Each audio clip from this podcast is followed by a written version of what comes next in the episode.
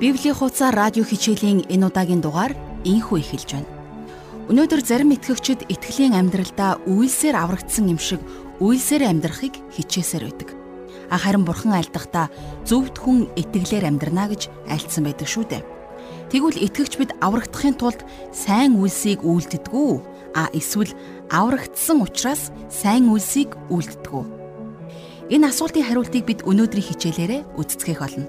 Нэвтрүүлэгтэй холбоотой санал хүсэлт байвал та нэвтрүүлгийн дараа хэлэх имэйл хаягаар хандан бидэнд загтлагчаарай. Ингээд хичээлээ эхлэхээс өмнө Бурханд хандаж залбирцгаая. Бурхан минь, та энэ өдөр бидэнд өөрийн амьд үгээ өгөөч. Таны үгийн үр бидний зүрх сэтгэлийн хөрсөн дээр бууж, үр жимсээ ургуулж таныг алдаршуулах болтугай. Үүний тулд бидний зүрх сэтгэлийн хөрсийг Та энэ өдөр зөөллөн бэлдэж өгөөрэй. Бид өнөөдрийн энэ цагийг тань даатгаж Иесус Христийн нэрээр залбирлаа. Амен. Харин одоо жаргал агшихаа хичээлд анхаарлаа хандуулъя. За өнөөдөр бүгдээрээ хамтдаа Эхлэл номын 17 дугаар бүлгийг үргэлжлүүлэн үздэсгэх болно. Тэгэхээр энэ бүлэг дээр Бурхны Авраамтай байгуулсан мөнхийн гэрээний талаар гардаг. За тэгэхээр хамтдаа Эхлэлийн 17-гийн 6 дугаар ишлээс уншицгаая.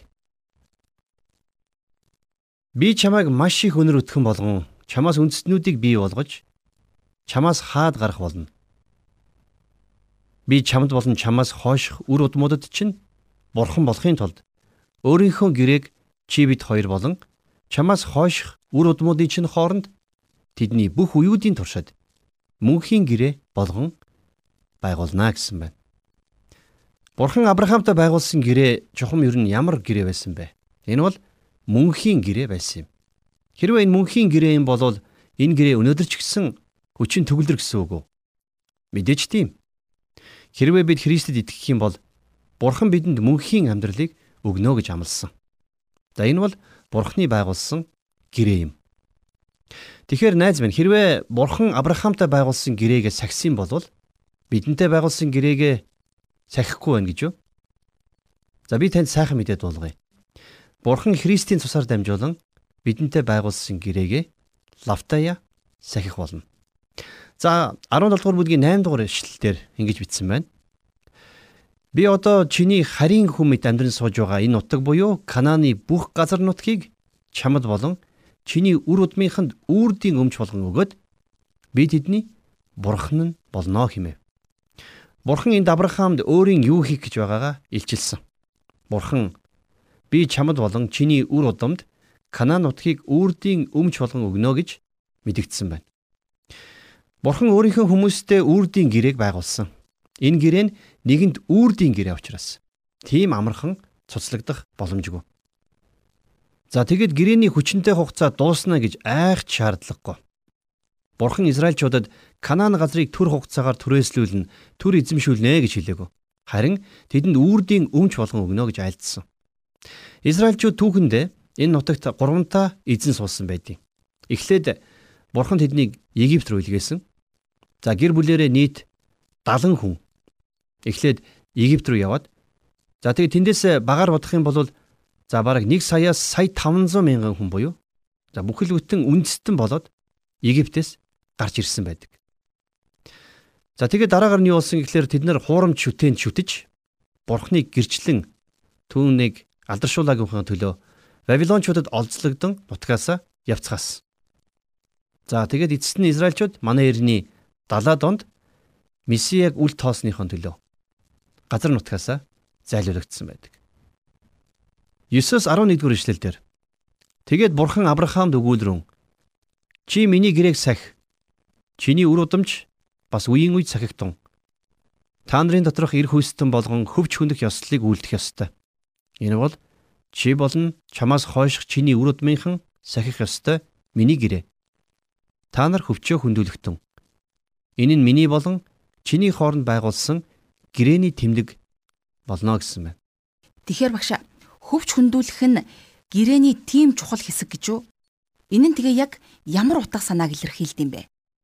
За ер нь хөвч хөндүүлэх зан үйл нь гэрээний бэлэг тэмдэг болсон байна. Израильчууд гэрээнд нэгдэхийн тулд хөвч хөндүүлдэг байгаагүй харин тэдэнд бурхны гэрээ байсан учраас хөвч хүндүүлдэг байсан. За өнөөдөр бидний амьдралд ч мөн ялгаагүй итгэгч бид аврагдахын тулд сайн үйлсийг үлдэх шаардлагагүй. Харин аврагдсан учраас сайн үйлсийг үлддэг. За энд л хамаг утга учир нуугдж байгаа юм. Хөвч хүндүүлсний улмаас гэрээнд нэгддэг биш харин гэрээнд нэгдсэн учраас хөвчөө хүндүүлдэг байсан байна. За хөвч хүндүүлэх гэдэг нь энэхүү гэрээний бэлэг тэмдэг. За нэг үгээр хэлэх юм бол гэрчлэл нь болсон байдаг. За 12 дугаар эшлэлдэр Та нарын дундах 8 хоногтой эр хүйстэн бүр гэрт төрсөн болоод та нарын үр удам биш альва харийн хүнээс мөнгөөр худалдаж авсан хүн уюудын чин туршид хөвч хүндүүлэх ёстой. За тэгэхээр одоо бүгдээрээ Есүс Христ хэрхэн мэндэлсэн талаар бодож үзцгээе. Христийг мэдлэх үед тухайн үеийн бүх хууль биелэлээ олсон. За Христ Авраамийн удам Тэрээр Давидын удам байсан.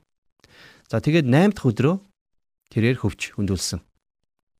За энэ тухай Галаат номын 4-ийн 4 дээр Илч Паул Христ бол хуулийн дор төрсөн хүү гэж тэмдэглэн үлдээсэн байдаг. За Эхлэл номын 17-гийн 13 дугаар ишлэлээс цааш харцгаая. Таны герт төрсөн нь ч мөнгөөрөө худалдаж авсан нь ч хөвчөө хөндүүлэх ёслол хийлгэх ёстой. Миний гэрээ та нарын махан бид мөнхийн гэрээ болох болно. За энд дахин гарч байна. Хөвч хөндөөлөх ёслол нь гэрээний бэлэг тэмдэг. За тэд нар гэрээний нэг хэсэг болохын тулд энийг заалжгүй хийх шаардлагатай байсан. Учир нь бурхан аль хэдийнэ тэдэнтэй гэрээгээ байгуулчихсан байсан. Та үүнийг заавал тогтоож сайтар ойлгож авахыг хичээгээрэй. Яг гэвэл энэ бол маш их чухал ойлголт байгаа юм. За өнөөдөр ч гэсэн ялгаагүй. Өнөөдөр маш олон хүмүүс хэрвээ тэд нар чуулганд хамрагдах юм бол за эсвэл сайн үйлс хийх юм болж гэдэг юм уу? За эсвэл усан баталгаа хүртэх юм бол аврагдана гэж боддог. Үгүй ээ. Та харин ингэснээр аврагдахгүй. Авралыг авч чадахгүй. Харин та авралыг нэгэнд авсан бол энэ бүхнийг аяндаа өөрөө хийх болно. Тэгээд сүм чуулганд хамрагдаж, бусдад үйлчилж, усан баталгаа хүртэх болно. Харин эсэргээрээ авралыг авахын тулд энэ бүхнийг үлдэх шаардлагагүй гэсэн үг. Тэгэхээр яг нөгөө тэргийг мориных нь урд хөлдгөөтэй адилхан байгааз. Харин морийг тэрэгний урд хөлдөг шүү дээ. Тэгэхээр харамсалтай нь өнөөдөр олон хүмүүс морь тэрэг хоёрынхон байрыг сольчихсан яваа юм шиг дүр зураг харагдаад байгаа юм. За 14 дугаар ишлэгийг харъя. Хөвч хөндүүлээгүй эрх хүстэн буюу хөвчөө үл хөндүүлэгч нь ард түмнээсээ таслагдана. Энэ нь тэрээр миний гэрийг зөрчснийх юм гэв. Тэгэхээр бурхны гэрээг зөрчсөн израилчууд маш олон байсан. Да гэлээгээд тэд нар энэхүү гэрээг хүчингү болгож чадаагүй. Тэгэхээр сайн ойлгож авахыг хичээгээрэй. Гэрээг зөрчсөн хүн гэрээнээс таслагдана гэсэн үг. А гэхдээ ямар ч хувь хүн а эсвэл бүлэг хүн гэрээг зөрчсөн байлээгээд бурхны Авраамтай болон тэрний үр удамтай байгуулсан энэхүү мөнхийн гэрээг хүчингү болгох боломжгүй байдаг юм. Гэрээг зөрчсөн хүн гэрээнээс таслагдана. А гэхдээ гэрээ гэрээ хэвээрэл үлдэнэ. За энэ бол гайхамшигтай бас мөнхийн гэрээ байсан.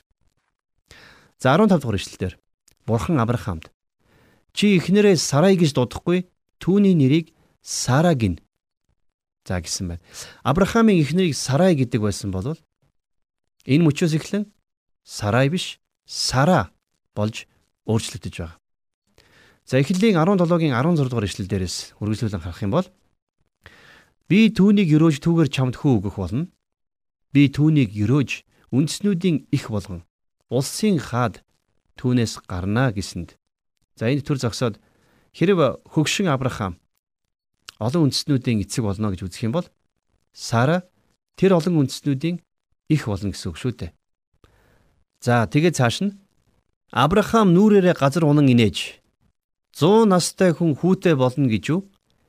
90 настай Сара хүүхэд төрүүлнэ гэж юу гэж дотроо өгүүлжээ. Тэгэхэр хөгшин Авраам дотроо инээд алдсан байна. За би бодохдоо Авраамд итгээгүй дээ. Эргэлзэж хоолсондоо ингээг баха гэж би бодож байна. Харин удахгүй тохиолдох тэр их баяр хөөрөөс болоод тэсгэл алдан инээсэн гэж би хувьдаа итгэдэг. Та ч гэсэн бас иймэрхүү байдалд орж үзэж байсан л бах.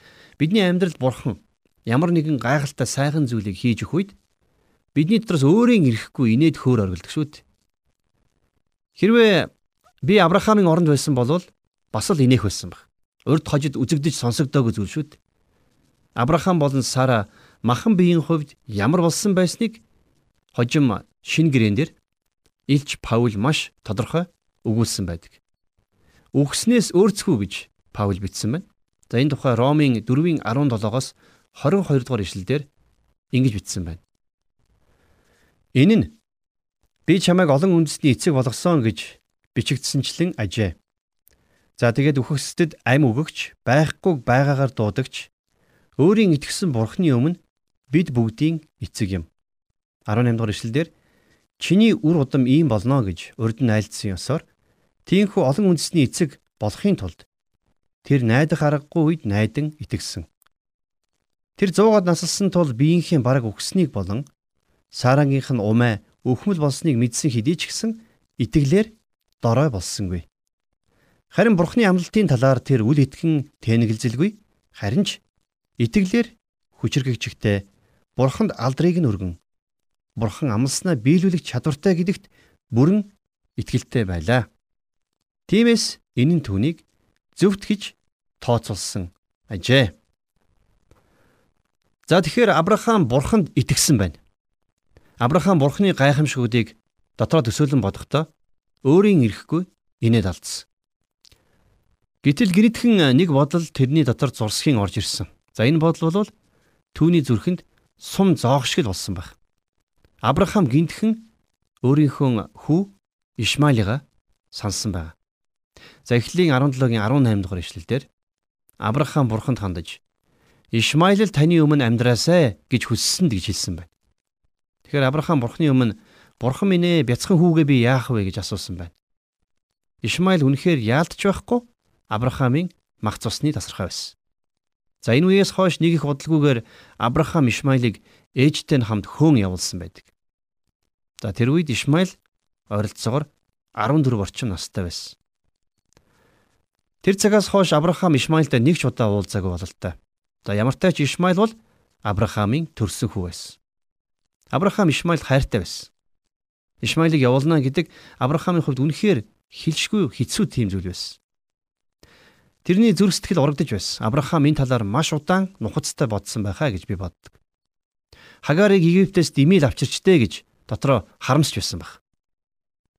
Авраамийн үлдсэн гим нүгэл өөрт нь гай зовлон дагуулж зогсохгүй. Тухайн газар нутагт ямар их гай болсныг та одоо харж байгаа.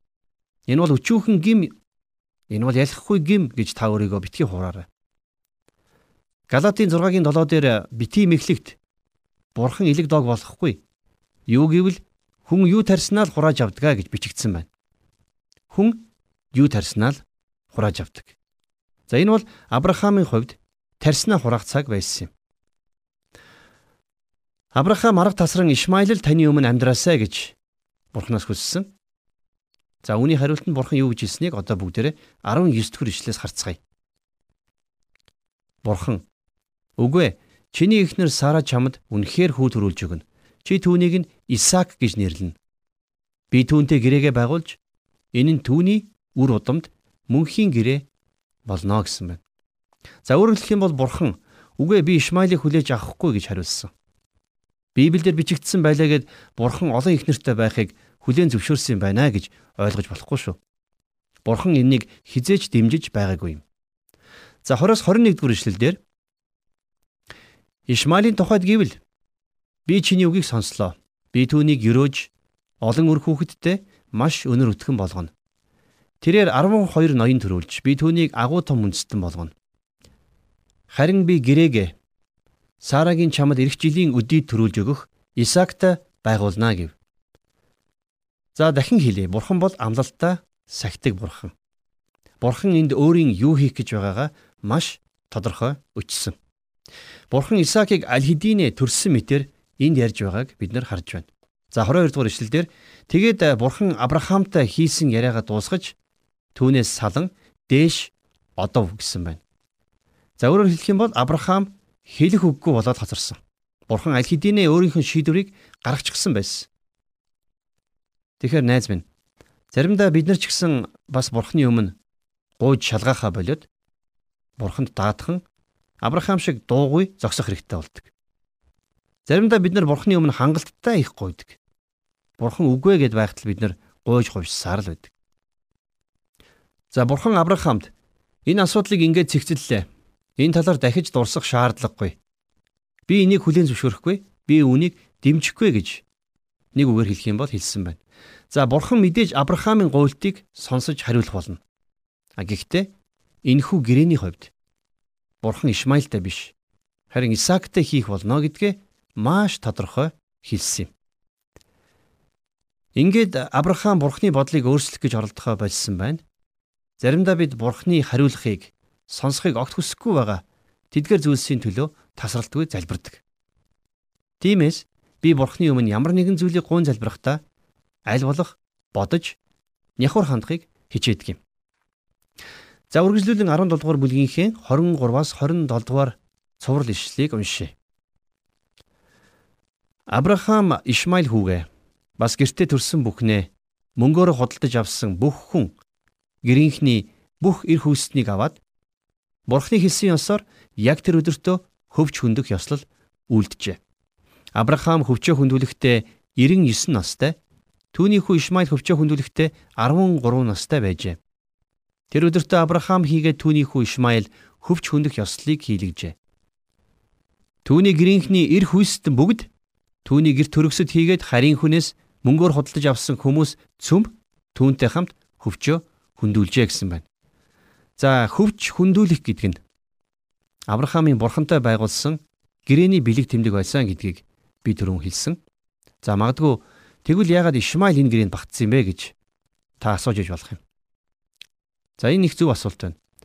Бурхан Ишмаилыг ч гэсэн мөн агуу үндэстэн болгоно гэж амласан. За энэ утгаараа Ишмаил энэхүү гэрээнд бас багтсан юм. Гэхдээ Ишмаил нь эхнээсээ Бурханы Авраамд амласан тэр амлалтынх нь хүү биш байсан. Бурханы амласан аврагч буюу Месиа хожим нь мэдлэх тэр үндэстний эцэг болох хүү биш байсанд л хамаг учир нуугдж байгаа юм. Тэгэхээр бурхан Ишмаилыг биш Исаакийг сонгосон. Яагаад гэхээр Исаак бол бурханы амласан амлалтын хүү байсан юм.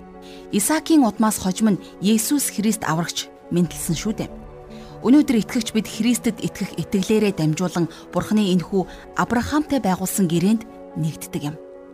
Бид ариун сүнсээр зүрхэндээ хөвч хүндүүлэн бурханы энэ мөнхийн гэрээний нэгэн хэсэг болж байгаагаараа маш их утга учиртай үйл явдал юм. Энэ тухай шинэ гэрээний Ром номын 2 дугаар бүлгийн 29 дугаар ишлэлдэр маш тодорхой хэлсэн байдаг. Үүн дээр харин доторх байдлаараа юудэн юудэ хүмүүн үсгээр бус сүнсээр хийлгсэн зүрх сэтгэлийн хөвч хөндлөлт нь хөвч хөндлөлт юм. Тэр хүний магтаал нь хүнээс бус харин бурхнаас ирдэг юм хэмээн бичигдсэн байдгийг санаж авах хэрэгтэй. За ингээд Эхлэл номын 18 дугаар бүлэг дээр ирлээ. За үнэн дээр Эхлэл номын 18 болон 19 дугаар бүлэг дээр гарч байгаа үйл явдал нь Авраамийн амьдралд тийм ч их хамааралтай биш юм шиг надад санагддаг. Яагад гэвэл энэ хоёр бүлэг дээр Содом болон Гомораг бурхан хэрхэн устгасан тухай гардаг юм. А гэхдээ бид шинэ гэрээг унших юм бол Эхлэл номон дээр жухам яагад 18 болон 19 дугаар бүлгийг багтаасны учрыг ойлгох болно. За 18 дугаар бүлэг бол ерөнхийдөө нэлээд сунжирсан бүлэг байгаа юм. За энэ бүлэг дээр бурхан Авраамд Содом болон Гомораг шүүх гэж байгаагаа хэлдэг. За тэгэд харин Авраам тэр хотынхны өмнөөс бурханаас өршөөл гуйдаг. За энэ бол бурхантай нөхөрлсөн Христэд итгэгч хүний тод жишээг төлөөлж байгаа юм уу да гэж би хувьдаа бодож байна. За тэгээд харин 19 дэх бүлэг дээр Содом Гоморад амьдарч байсан Лотынхны амьдрал гардаг. За энэ бол буруу шийдвэрээсээ болоод амьдралаа нурааж байгаа хүний түүх юм. За 18-ийн 1-р ишлэлийг харъя. Эзэн Мамрегийн царс модны дэргэд Авраамд үзэгдэв. Өдрийн халуунд Авраам майхныхаа үүдэнд сууж байгаад за энэ төр зогсоод а тухайн үед Авраам Мамрегийн царс модны дэргэд амьдарч байсан. За насан ч нилээд дээр гарсан байсан. За тэгээд цааш нь үргэлжлүүлэх 2 дугаар ишлээс хараага өргөн хартал дэрэгд нь 3 хүн зогсож байлаа. Тэрээр тэднийг харангуутаа угтан тосгоор майхныхаа үүднээс яран гүйж хүрээд газарт бүхийн сөгдөж За эндээс бид Авраам ямар их өгөөмөр ямар сайхан зочломтгой хүн байсныг олж харж чадна. За өнөөдөр ч гэсэн ийм зочломтгой хүнийг олоход бас хэцүү болсон цаа шүү дээ. За 3 дугаар ишлэлээс уншия. Эзэн минь ээ Хэрв би таны таалалд нийцсэн бол өчүүхэн зарц намаага битгий орхин өнгөрөөрөө хэмээн би гуйж байна. Жаахан ус авчруулж та нар хөлөө угааж энэ модны доор амарнуу. За танихгүй зочныг гертэ уряад хөлөө угаахыг хүснэ гэдэг бол нэг талаасаа их хачирхалтай сонсогдож магадгүй. А гэхдээ энэ бол хуучны за бүр их эртний ёс заншил байсан. За шинэ гэрэн дээр Есүс тэр нэгэн орой дагалдагчдын хөлийг угааж өгснийг та санаж байгаах. За энд Авраам хөлөө угаана уу хэмээн тэднийг урьсан. Тухайн үед зочин хүн айлд орж ирээд хөлөө угаалгана гэдэг бол асар их хүндэтгэл зочломтгой байдлын илэрхийлэл болдог байж. Авраам тэдгэр зочдыг үнэхээр дээд зэргээр зочилсан байна. За цааш нь уншия 5-аас 8 дугаар цуврал ишлэлийг харъя. Би жаахан талх авчрий. Тэгээд та нар түр амс хийгээд тэнхээ орж аян замдаа гараарай. Та нар зарцын хараа дайрч ирсэн учраас ийм болоо гэв. Чиний хэлсэн ёсоор болгоё гэв. Авраам гертээ санд мэд гүйж ороод сараад Түрглээрээ 3 сия дэд зэргийн гурил аваад зуурч бин хийгээд Авраам хот руу гүн очоод нэг нь тарган сайн бяруу барьж авчираад зарцтай өгсөнд зарц түүгээр нь хоол бэлтгэх гэж яаравчлаа. Авраам Эдэм сүү болон зарцынхаа болгосон бярууны махыг тэдний өмнө авчирч тавиад тэднийг хооллогцоор өөрөө модны дор зогсож байв гэсэн байна. За Авраам үнэхээр сайхан тансаг ширээ зассан. Тийм бааз тарган бярууны мах Эдэм сүүгээд л.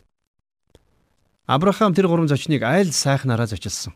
А гэхдээ Авраам ямар чухал хүмүүсийг daйл цайлж байгаагаа огт мдээгүй байсан байдаг. Тэгэхээр яг энэ тухай Еврейчүүд номын 13-ын 2 дээр харь хүмүүс зочломтгой хандхаа бүү март. Бочрон зарим хүмүүс үүгээрээ Тэнгэр элч нарыг мэдлгүй зочилсан юм а хэмээн тэмдэглэсэн байна. Зарим хүмүүс Авраам эдгээр хүмүүсийг зочлохдоо Бурхны элч нарыг зочилж байгааг мэдсэн учраас ингэж хичээсэн гэж боддог. Үгүй ээ. Төрөний уншсан ишлээс харах юм бол Авраам үнэндээ ямар хүмүүсийг зочилж байгаагаач тэр үед мдээгүй байсан хэрэг.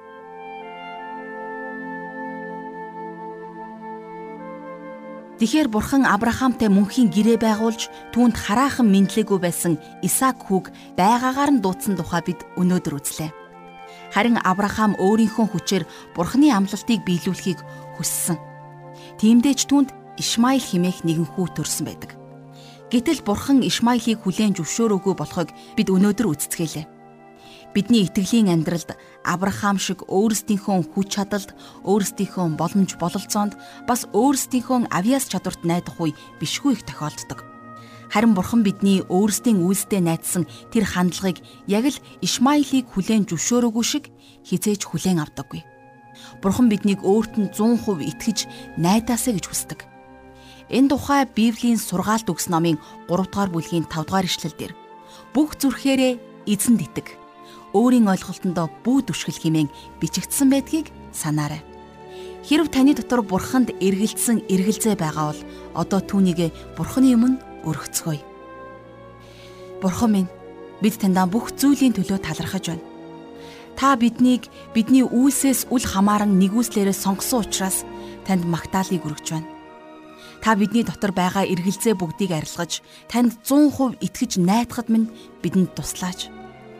Бид асуудлыг таны биш, өөрсдийнхөө арга замаар шийдэх гэж оролдох үедээ, итгэлгүй загнах үедээ Авраам шиг алдаа гаргадаг Харин та биднийг итгэлийн замаар өдөр болгон удирдан замчлаач гэж бид Есүс Христийн нэрээр өргөн залбирлаа. Амен.